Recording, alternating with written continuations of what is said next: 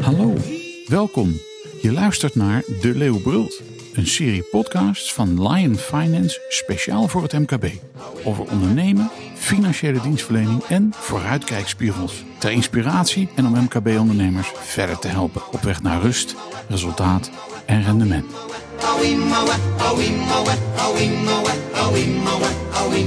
Fijn dat je luistert. Bij Lion Finance krijgen ze wel eens de vraag: waar moet ik met mijn geld naartoe?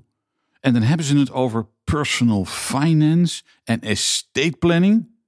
Alle reden om hier eens met twee specialisten over te praten. De fiscalisten Hans Schreuder en Roy Stolk. Heren, van harte welkom. Allereerst een vraag aan jou Hans.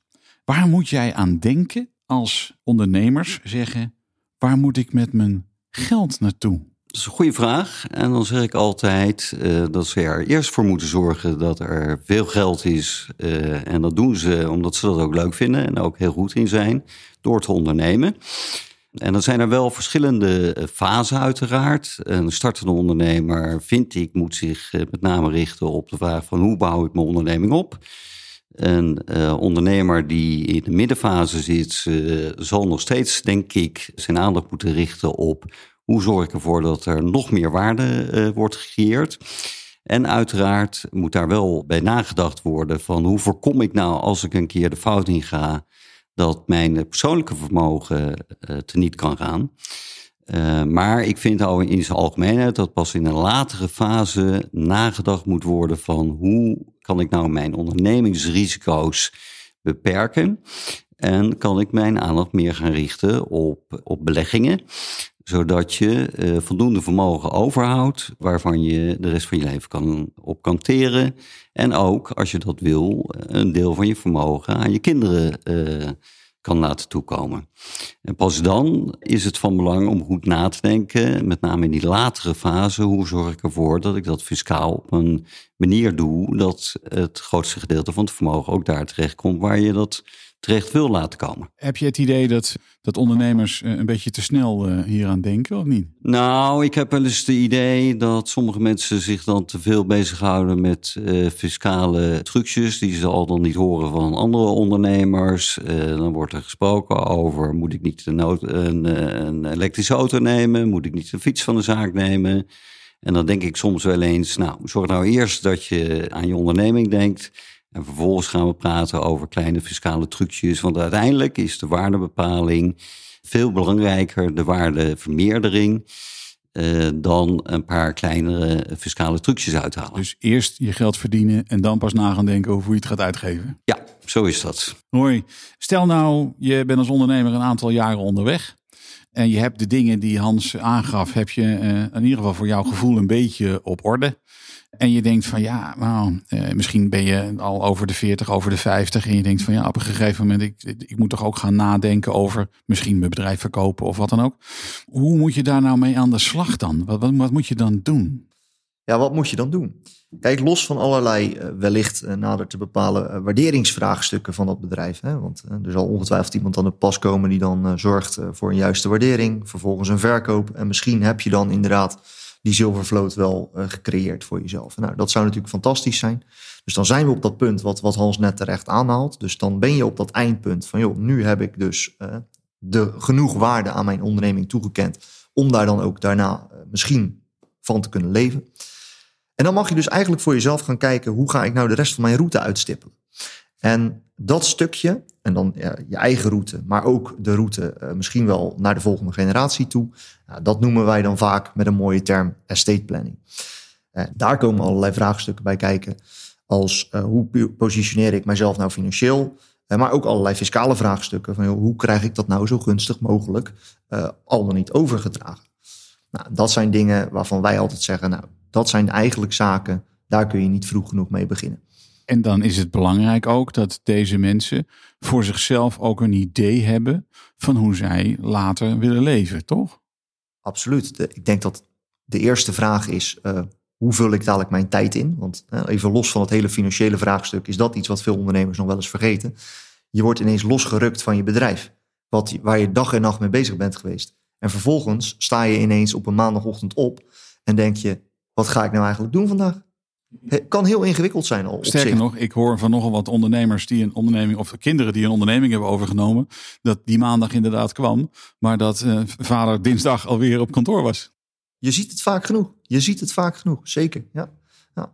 Maar stel inderdaad, we komen, daar, we komen daar aan toe en we mogen daarover gaan nadenken met z'n allen.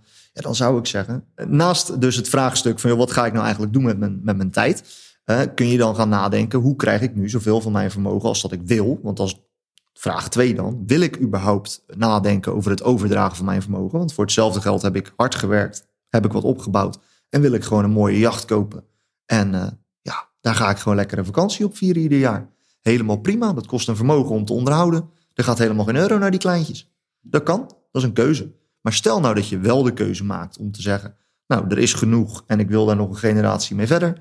Ja, dan kunnen wij ze assisteren bij het bouwen van een plan om ervoor te zorgen dat je uiteindelijk zo min mogelijk belasting betaalt. Hans, kun jij een voorbeeld geven van hoe dat er dan uitziet?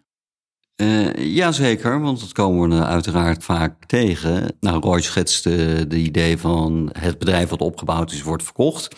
Maar er zijn dus ook heel veel ondernemers die denken van nee, ik wil dat dat bedrijf voortgezet wordt uh, door mijn kinderen. Veel ondernemers denken dat dan. En uh, er zijn minder ondernemers waarvan de kinderen dan ook zeggen: Nou, pa, dat is een goed idee. Of ma, dat is een goed idee. Uh, maar als dat zo is, dan is het wel zaak om daar tijdig, ook vanuit een fiscaal-juridische blik, uh, naar te gaan kijken. We leven gelukkig in een land waar er prachtige bedrijfsopvolgingsregelingen zijn, die dat dan ook vaak financieel mogelijk maken voor de kinderen. Zonder dat de fiscus ja, een hap van dat ondernemingsvermogen wegtrekt. dus daar moet dan wel op tijd mee begonnen worden. Maar het is ook mogelijk dat je het bedrijf verkoopt met een bekende houtse structuur en een pot geld hebt zitten in die houtster nadat het bedrijf verkocht is. Uh, en dan moet je vervolgens wel nadenken van wil ik dat vermogen nou gaan benutten voor consumptieve uitgaven of wil ik toch ervoor zorgen dat een deel daarvan naar mijn kinderen gaat. En dan zijn er wel fiscaal-juridische specialiteiten waar je op moet letten. In de zin van, ga ik het vermogen nou direct uitkeren, zodat ik direct een inkomstenbelasting ga betalen. Maar heb ik dan wel weer het voordeel dat in box 3 er op basis van de huidige regelingen een betrekkelijk lage belasting is indien je uh, waardevermeerdering hebt. Dat is natuurlijk weer heel anders dan dat je je geld op een spaarrekening zet. want dan is die box 3 heffing over het algemeen eigenlijk vrij hoog. Uh, nou, daar zijn allerlei ontwikkelingen op dat gebied. Van moet dat systeem niet aangepast worden? Moet het niet zo zijn dat je belasting betaalt indien je ook rendement maakt? Nou, dat zal uh, de politiek uh, moeten oplossen. Dat heeft de Raad ook recentelijk nogmaals gezegd van wetgever. Je moet nu wel zorgen dat die heffing in lijn is met het rendement wat gemaakt wordt. Dus ik ben buitengewoon benieuwd en heel veel fiscalisten hoe ze dat dilemma gaan oplossen. Maar op dat punt gaat er wel iets gebeuren de komende jaren. Dat kan eigenlijk niet, niet uitblijven. En dan is het wel zaak om goed te blijven nadenken. Wat is het risico wat ik wil lopen? Uh, wat is de, het rendement wat ik voor ogen heb? Wat is het rendement wat ik nodig heb? En dan daar je structuur, je vermogensstructuur op inrichten. Dus dat komt vaak voor in de praktijk, absoluut. En is dat dan een, eh, een kwestie van een spreadsheet invullen, Roy? Een, een, een programmaatje of komt daar weer meer bij kijken? Ja, kijk, het, het invullen van een spreadsheet, dat, dat kan vrijwel iedereen, zou ik zeggen. Alles draait in deze om, uh, om gevoel en hoe, je dat, hoe je dat gevoel managt vervolgens.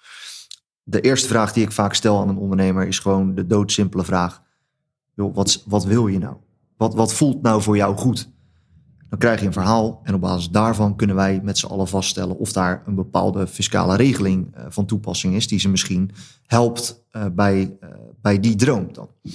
Dus nee, het invullen van een spreadsheet, nee, ik vind dat niet voldoende. dit, dit is echt wel meer diepgaand. En Hans die noemt net terecht het voorbeeld van, van de bedrijfsopvolgingsregeling. Dat zijn zaken, als je daar gebruik van wilt maken, dan kun je daar drie jaar van tevoren kun je daar al op gaan voorsorteren. Dat is natuurlijk extreem belangrijk om dat op een juiste manier te doen. En bovendien begrijp ik van Hans dat de wetgeving niet alleen gaat veranderen, maar dat je dus, of je nou over nu over vijf jaar of over tien jaar daarbij komt, aan het eind van de dag zul je heel goed in de gaten moeten houden wat er aan, aan wetgeving is. Om, uh, want je kan iets gedroomd hebben tien jaar geleden, maar de vraag is of dat over tien jaar nog kan. Uh, Kijk, een kristallenbol hebben wij niet. Maar wat wij wel hebben is het inzicht van vandaag de dag en het inzicht van de afgelopen jaren hè, waarin er veel veranderd is. Maar nou, zo'n bedrijfsopvolgingsregeling die er dus nog steeds is, ja, die kun je dus nu inzetten. Ja, dan kan het zijn dat die over, over drie, vier jaar van tafel is. Zou heel goed kunnen. Maar dan hebben we op dit moment hebben we wel uh, een toegangspoort eigenlijk gecreëerd om uh, op zo'n fiscale faciliteit mee te liften. Als die er dan nog is. En Hans, is er, want ik hoor jullie al een paar keer zeggen van joh, je moet er wel op tijd mee beginnen. Is daar een vuistregel voor te geven, Hans, waar, wanneer je daarmee moet beginnen? Nou, in zijn algemeenheid vind ik zelf dat je toch wel uh, tenminste vijf jaar de tijd moet nemen. Uh, niet alleen voor de ondernemer, maar ook met zijn partner en zijn kinderen om na te denken: wat willen we nu als familie met elkaar? En is het inderdaad uh, een goed idee dat een van de kinderen het overneemt? Of dat meerdere kinderen het overnemen? Daar moet je wel met z'n allen ook achter staan. Dus ik zou zeggen, een termijn van vijf jaar, uh, moet je, daar moet je toch wel aan denken. En daarnaast, wat ik al zei, uh, het is niet alleen de wens van de ondernemer zelf, maar zijn partner heeft daar natuurlijk iets over te vinden. En ook moet je goed weten wat de kinderen willen. En dat hoeft helemaal niet aan elkaar gelijk te zijn. Dat zien we heel vaak in de, in de, in de praktijk. Dat pa wel een geweldig idee heeft, maar dat de kinderen daar heel anders over denken. Of dat de partner heel anders daarover denkt en zegt, nou, uh, verkoop nou maar alles. We gaan op reis. Uh, je hebt nu lang genoeg gewerkt. En uh, vaak konden we niet op vakantie. We gaan er nu van genieten. Dus er spelen allerlei factoren een rol. Maar een jaar of vijf moet je toch wel nemen om daar met elkaar goed over na te kunnen denken. En dat betekent feitelijk vijf jaar heb je nodig om daaruit te komen. Maar het zou ook handig zijn dat je ook weet wanneer je dan wil stoppen. Dus dat betekent dat je het, het moment van, van je wil stoppen vaststelt. En daar dan vijf jaar aftrekt. Ja. En, dan, en dan kom je op de regeling uh, uiteindelijk. En hoe kunnen jullie de ondernemers helpen, Roy? Nou kijk, Hans noemt die vijf jaar. Uh, in die vijf jaar tijd moeten wij natuurlijk zorgen als adviseurs... dat wij al uh, tegen die ondernemer aanschuren. En ook al zeggen tegen die ondernemer van... joh, heb je daar al eens over nagedacht? Wij zijn daar met die bepaalde signaalfunctie om ervoor te zorgen dat die ondernemer op tijd wakker is en op tijd uh, zijn stappen kan nemen die hij nodig heeft om ja, de meest belangrijke keuze van zijn leven, een van de meest belangrijke keuzes van zijn leven. Ja, en wat we vaker ook doen, want we zitten er vaak als adviseur nog wel een paar jaar uh, voor om in ieder geval een ondernemer duidelijk te maken dat hij daar wel een keer over moet nagaan denken. En voor, voor zover uh, dat dan van toepassing moet je het nog een paar keer zeggen. En uiteindelijk gaat hij daar dan een keer over praten met zijn uh, partner. En zo komt het proces, uh, gaat het van start. Dus je houdt ze wel bij de les aan het eind van de dag. Maar goed, uiteindelijk precies wat jij zegt Hans. Het moet uit zelf komen. Ja. En het moet uit met de partners en met de kinderen worden overlegd als dat aan de orde is. Want de dingen lopen niet altijd zoals iemand bedacht had dat ze gingen lopen. Nee, dat hebben we de afgelopen jaren natuurlijk gezien.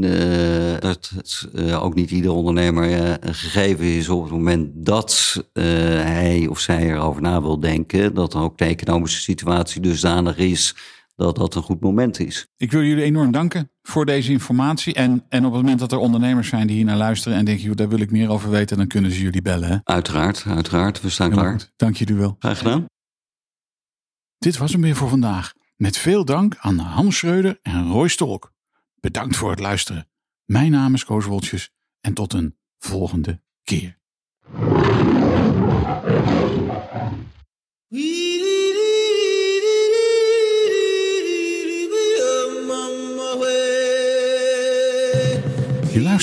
naar De Leeuwbult, een podcast van Lion Finance, speciaal voor het MKB. Wil je de hele serie beluisteren? Kijk dan op de website van Lion Finance of abonneer je via Spotify, Apple Podcast of Google Podcast. Binnenkort is er weer een aflevering. Tot dan.